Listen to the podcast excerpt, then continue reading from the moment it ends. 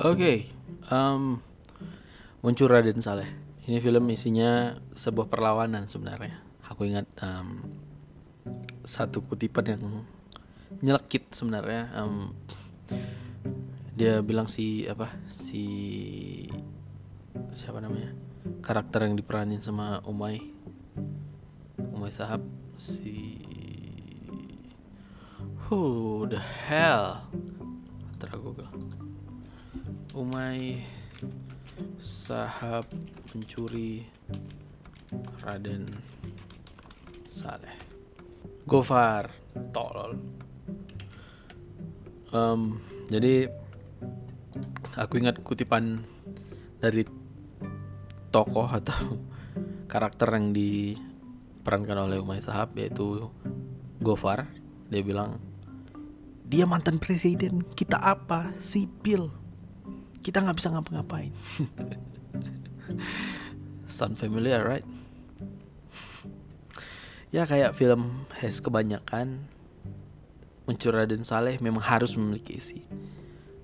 Um, ya setidaknya yang paling terkenal Money Heist serial dari Spanyol yang akhirnya dibeli Netflix untuk hak tayangnya. Kabarnya waktu dia tayang di TV Spanyol nggak semeledak itu. Sehingga ya Netflix beruntung belinya. Oke jadi uh, jadi bukan hanya sekedar menghibur film ini memang harus punya isi tadi.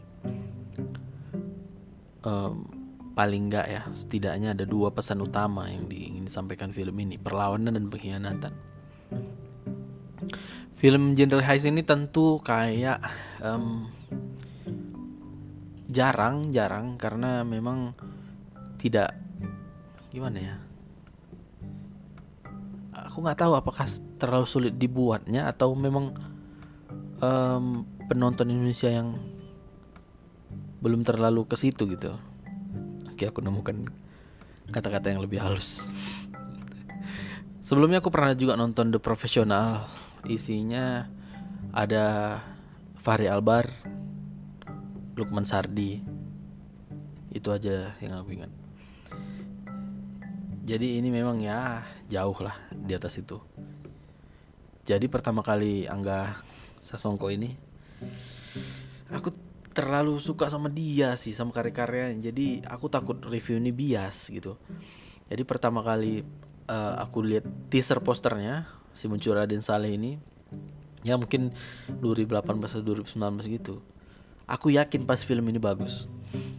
Ya kan dia munculin posternya waktu itu kalau ya 2019 terus uh, banyak yang nanya kan tahun berapa gitu 2022 dan sepertinya sangat sangat worth it ditunggu tiga tahun lebih ini gitu. Um, yang Kasa Songko jelas uh, dia sering masukkan style-stylenya gitu. Di nanti kita cerita tentang hari ini bukaan delapan stylenya dia. Um, ya Beta Maluku film-film fenomenal lah. Yang kayak gimana ya? Udahlah aku takut terlalu bias. Tapi karena memang aku sangat suka nggak sesongko jadi ya apa apalah bias pun nggak apa apalah um, film ini jauh ya di atas ekspektasiku. Jauh jauh jauh jauh. Aku pikirnya aku pikir filmnya di titik uh, tiga ternyata di tujuh gitu. Jauh jauh di atasnya. Nggak nggak melebihi satu atau dua. Banyak jauh jauh di atas ekspektasiku. Karena kan ya di bayanganku waktu itu apa bisa Indonesia membuat film uh, seperti Money Heist atau gitu lah. Tapi ini memang jauh. Dan memang yang satu yang paling dikhawatirkan nggak tahu ya. Yang iya satu-satunya yang ku khawatirkan dalam film ini adalah main case-nya sebenarnya. Jujur aja, jujur ya. Um, waktu ah, pada akhirnya Angga Sasongko mengumumkan main case-nya enam orang itu pertama kita disuruh nebak padahal udah ada di IMDb. Justru nebak gitu kayak ada siluet enam orang siapa? Ayo kata si Angga Sasongko. Jadi begitu tahu orangnya kayak ya aduh pelan-pelan kayak nggak mau nunggu gitu. Udahlah pelan-pelan kayak udahlah ngapain? Antusiasmenya turun lah dalam kepala aku tuh bisa apa sih orang-orang ini di kepala aku tuh emang ya selain aktor bocah modal tampang nggak ada lagi gitu. Tapi dalam film ini 100% besar bed salah 100% salah. Terutama sebenarnya aku paling skeptis sama Iqbal. Um, sejak lepas dari Dilan aku aku berpikir maksudnya lepas itu selesai ya selesai di franchise si Dilan universe-nya Dilan aku kayak ya skeptis. Uh, si Iqbal ini bisa keluar nggak dari Dilan gitu? Yang sebagaimana um, jelas-jelas sangat sulit untuk keluar dari sebuah karakter yang sangat ikonik itu sulit sulit. Ya tahu sendirilah uh, si Robert Downey Jr. mau beberapa kali keluar dari Iron Man atau Tony Stark itu sulit minta ampun Mr. Dolittle itu kayak dia nggak pernah keluar dari Tony Stark juga Hugh Jackman Johnny Depp um, tapi tapi di film ini Iqbal memang betul-betul di sini aku ke depannya pasti akan terus mengagumi jadi kagum gitu sama dia. Di situ dia kayak aku kaget betul-betul pertama kali keluar. Dan tunggu tunggu dulu sebelum masuk ke karakter. Opening scene. Scene scene awal scene opening iya opening scene itu kayaknya bener-bener keren dan sangat diperhatikan memang bagus sekali aku nggak um, jadinya nggak memerhatikan apakah itu one cut atau long take. Tapi itu ya kayaknya itu long take atau one cut. Jadi kayak benar-benar dipikirkan dan diseriusin gitu untuk opening scene-nya. Gokil sih itu. Belakangan aku tahu dari Angga kalau itu memang benar-benar di set sangat sangat sangat serius. Sehingga uh, jadi salah satu scene film sekuen film favorit lah gitu. Dia ini. Uh aku nggak bisa deskripsikan takut spoiler gitu. Oke. Jadi karakter-karakter yang sebelumnya disepelekan itu uh, Iqbal berhasil keluar dari aku nggak tahu. Tapi aku um, di film Ali dan Ratu Ratu Queen dia kayak uh, cuma eh, mungkin dia udah keluar dari si Dylan tapi aku aja mungkin merasa masih itu terus gitu. Mungkin ya aku yang tolol atau gimana. Tapi ya gitulah pandanganku. Si Angga Yunanda apa sih ini modal ganteng doang gitu? Agini Hak Haki apa sih? Kayak mana sih nah mau sulit-sulit kak ya dia memang uh, satu-satunya opsi. Nggak satu-satunya bisa dibilang satu-satunya opsi untuk uh, aktor muda dengan kemampuan bela diri gitu. Mungkin kalau karakternya uh, mature gitu lebih dewasa ya mungkin akan dipang uh, akan diperanin sama Julia Estelle atau siapa? Nggak tahu. Makanya aku berpikir tuh nggak ada opsi lagi memang selain Agini Hak Agni Hak. Umay Sihab Umay Sahab. Uh, belakangan muncul pertanyaan nggak belakangan sebenarnya. Muncul pertanyaan kenapa case-nya gitu kali gitu. Uh, bisa dibilang kan mereka ini aktor yang sedang naik gitu banyak film yang dibintangi dia. Dalam setahun tuh ada berapa gitu. Tapi kenapa mereka gitu? Kalau jawaban Angga Sasongko sih katanya dia memang uh, suka dan di kepalanya udah mereka tuh gimana gitu kemarin. Dia bilang memang mereka aktor yang memang ditargetin sama si Angga Sasongko. Nggak tahu pertimbangannya portofolio film atau dan dan atau portofolio film dan fans aku tahu um, jumlah followers atau popularitas aktor tidak terlalu mempengaruhi. Tetapi untuk kasus ini aku percaya. Pasti percaya nih, pas pasti pasti dalam pikiranku aja sih masih. Popularitas adalah salah satu um, salah satu pertimbangan si Angga Sasongko ini. Karena gini, ini udah pasti produksinya besar pasti besar karena di um, uh, CG ada pakai ada ekstras mobil uh, apa 100 orang figuran pakai mobil harus nutup terowongan pasti modal besar baru uh, menyewa atau ya pasti menyewa sih menyewa set yang benar-benar mewah dan um, pas untuk film heist gitu. Jadi kemewahannya harus terlihat. Memang uh, pas aku lihat ini film apa? Uh, bener-bener kelihatan gitu. Nggak nggak sekadar dibuat filmnya. Jadi bener-bener dipikirin rumahnya dipikirin uh, kendaraan yang yang kaya memang terlihat kaya. Dan ini benar-benar kayak mana ya? Pasti pasti ini besar besar. Mungkin juga dapat dari modal untung si nanti kita cerita tentang hari ini juga atau keluarga Cemara? Visinema emang kalau aku Visinema itu memang kayak inilah rumah produksi yang ya paling nggak aku favoritin lah. Terlebih dari uh, terlebih lagi Angga Sasongko sebenarnya. Uh, kayaknya Visinema itu memang si Angga Sasongko adalah wajah si Visinema kayaknya. Oke kok bisa lari ke situ ya?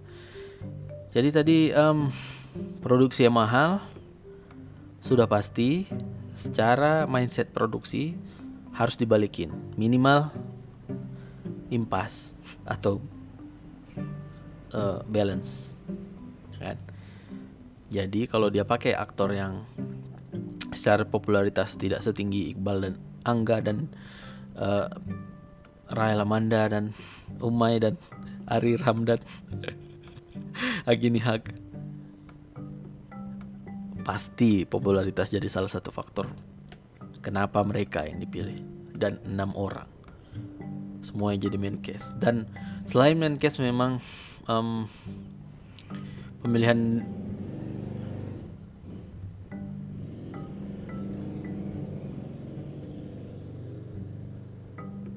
dan pemilihan Dwi, uh, Dwi Sasono jadi ayahnya Iqbal itu benar-benar benar tepat dan sangat-sangat tepat. Uh, aku um, mulai berpikir kalau Angga memang selalu tepat menggunakan aktor untuk menjadi sebuah karakter gitu. Dan surprisingly di sini tidak ada duet Chico Jericho dan Rio Dewanto. Uh, agak kaget nggak ada mereka berdua sementara banyak film film-film Angga Sasongko itu pasti ada si duet dua ini Ciko Jiko dan dan pemilihan si uh, Pak Tio Pakusadewo jadi mantan presiden Muhammad Khan jadi anaknya presiden. Jadi ada mantan presiden ada anaknya presiden. Di situ diperankan Muhammad Khan kalau nggak salah. Pemenang Citra. Kucubu tumbuhin aku kalau nggak salah ya. itu. Semua pemilihan cast tepat sebenarnya. Tepat tepat benar. Dan um, cast sudah. Lokasi lokasinya um, kayak memang jadi markas. Yang jadi markasnya itu kayak bener-bener nyaman dilihat gitu. Kayak bener-bener believable lah uh, di, di markasnya. Dan alasan kenapa orang itu kenal dan berteman juga masuk akal tidak dipaksa. Seperti film-film heist kebanyakan uh, kebanyakan dia merekrut satu persatu krunya itu ya satu persatu nggak ada yang saling kenal gitu. Jarang lah. Si Money Heist juga direkrut satu-satu. Um, Italian Job Ocean Eleven franchise Ocean. Jadi uh, set kalau set emang benar-benar believable lah. Juga kantornya si tokoh yang diperanin Rahel Amanda rumahnya yang mewah itu dan CG ah gokil ini film yakin aku budgetnya besar. Dan Angga Sasongko memang aduh I'm your big fans Angga. Setnya bagus lah katanya rumahnya si Vela itu memang rumah asli um, Raden Saleh gitu. Jadi secara set oke, okay. uh, eh, CGI gimana itu kayak nggak bener-bener kayak nggak terasa gitu itu kebanyakan waktu di si Iqbal sih yang lompat. Dan keseriusan adegan di terowongan. Itu gokil 100 orang figuran dan mengendarai 100 mobil. Aduh. Aku bilang ini produksi besar maka mereka butuh Iqbal. Dia butuh Angga Yunanda. Dia butuh Rachel Amanda. Dan ya aku hmm, nggak ngerti lagi lah sama film ini. Komedi. Komedi ya bagus tidak terpak tidak terkesan sangat tidak terkesan dibuat gitu. Jadi kayak dekat aja gitu. Kita nontonnya kayak dekat sama kehidupan kita gitu aja tidak berlebihan juga dan dan scoringnya. Jadi sepanjang film itu memang salah satu ciri khas um, film bergenre heist itu ya memang musik back song back sound apa sih namanya scoring gitu. Memang ciri gitu ibarat kita nonton kita dengar musiknya aja tanpa visual tanpa kita visual visualnya hanya audionya saja kita langsung tahu itu filmnya uh, bergenre heist gitu. Nggak perlu repot-repot kita lihat. Kita langsung tahu dan benar-benar pas. Dan hal yang paling bagus membuat film ini sangat bagus adalah memang cerita. Um, durasi dua setengah jam yang mana uh, kebanyakan akan merasa bosan kalau filmnya kalau ceritanya bertele-tele ini akan sangat membosankan tetapi plotnya padat dan punya alasan untuk semua untuk semua konflik itu. Kenapa um, kenapa mereka harus mencuri? Dan trik trik-trik dalam film ini twist-twistnya itu gokil gitu. Ya mereka merampok dengan menukar bus segala macam tipikal tipikal film-film heist.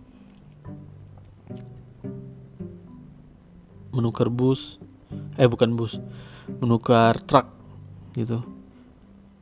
Udah tipikal kali memang tapi um, dan semua akan berpikir ber, akan berhenti di situ akan terjadi di situ tetapi tidak gitu. Ada di belakangnya. Ini ceritanya bagus sekali sih. Worth it ditonton sampai dua setengah jam. Aku nggak mungkin ceritain gimana filmnya tapi uh, bagus bagus sekali angga. Siapa yang nulis ya kita coba cek. Penulis mencuri Raden Saleh.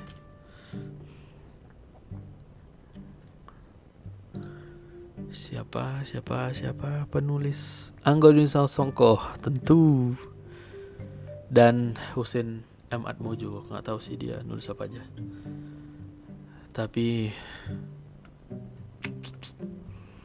bagus sekali Visinema. Aku percaya um, dengan adanya sebuah film yang menggebrak, selanjutnya akan lebih mudah diterima, begitu ya. Jadi kayak um, dulu si dimulai dari film-film yang uh, apa namanya um, remake kalau nggak salah dimulai dari si Warkop DKI Warkop DKI uh, remake Benyamin Pengabdi Setan Sujana gitu kan. Dimulai dari situ jadi uh, film remake naik gitu. Bakal uh, terus uh, naik gitulah. Um, horor begitu um, uh, si Joko Anwar membuat pengabdi setan dengan tidak terlalu mengandalkan jump scare film selanjutnya begitu begitu. Ini juga jadi harapannya memang film-film heist begini lebih banyak lagi gitu. Jadi genre kaya gitu. Sama dengan um, Joko Anwar memulai Gundala. Belakangan nanti akan ada Gatot Kaca. Belakangan lagi akan ada Sri Asih. Pasti akan terus nanti yang film-film bergenre superhero naik gitu. Dan Heist ini yang udah pernah aku tonton masih hanya si The Professional itu. Ini ini yang kedua mencuri Raden Saleh dan ini bagus sekali kawan-kawan, bagus sekali mencuri Raden Saleh ceritanya premis utamanya adalah tentang perlawanan dan pengkhianatan. Aku sebenarnya gatal mau ngomongin plotnya cuman ya nanti kalian terlalu enak. Dan um, uh, aku mungkin gimana ya ngomongnya? Aku itu mungkin nggak terlalu bukan yang terlalu taat dan sempurna maksudnya ah udahlah. Dan tolong jangan kalau mau promo atau mau pamer kalian udah nonton film Mencuri Raden Saleh atau film apa pun yang lainnya jangan coba share ke jangan coba-coba share hasil rekaman kalian di bioskop ke upload ke TikTok, ke Instagram atau Twitter atau platform lain jangan. Biarlah gitu. Kemarin film agak lain saking sampai fullnya sampai terlalu banyak yang direkam dan dimasukkan ke TikTok. Jadi orang udah tahu semua ceritanya. Apa sih? Aduh. Makanya kalian coba sekali-sekali produksi karya gitu. Sekali-sekali produksi karya. Jadi kalian tahu kalau karyanya dibaca. Rasanya gimana. Yang harusnya dapat uh, uh, pekarya ini dapat penghasilan dari situ berkurang. Kalian coba. Dan ya sedikit ya tentang mencuri Raden Saleh.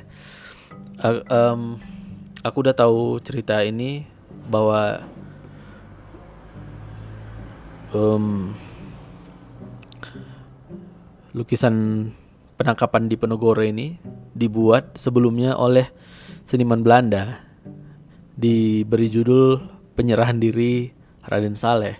Eh penyerahan penyerahan diri di Ponegoro. Jadi di pada saat uh, lukisan yang ditulis yang dilukis oleh seniman Belanda ini terlihat um, seperti di Ponegoro menyerah gitu artinya uh, dia lebih ke negatif dan artinya dia terlihat seperti lemah begitu nah uh, Raden Saleh pada saat itu kalau nggak salah dia memang berada di tempat itu melihat kejadian itu dan dia dia tahu kejadian tidak seperti itu. Raden Saleh tidak menyerahkan diri. Raden Saleh ditangkap. Lalu dia buatlah Raden eh Raden Saleh di Ponorogo ditangkap. Bukan menyerahkan diri. Jadi um, mengetahui hal itu karena dia ingat buat langsung. Ya kan? Jadi dia membuat lukisan tandingan. Dibuatlah dengan judul penangkapan di Ponegoro. Yang mana di situ di Ponegoro terlihat melawan jadi itu makanya film ini juga bersifat perlawanan. Premis utamanya adalah perlawanan gitu. Perlawanan kepada siapa? Kepada mantan presiden. Aku lupa lagi namanya. Ini ada di sini. Uh, Tio Pakusadewa siapa? Tio Pakusadewa sebagai permadi wakil presiden gitu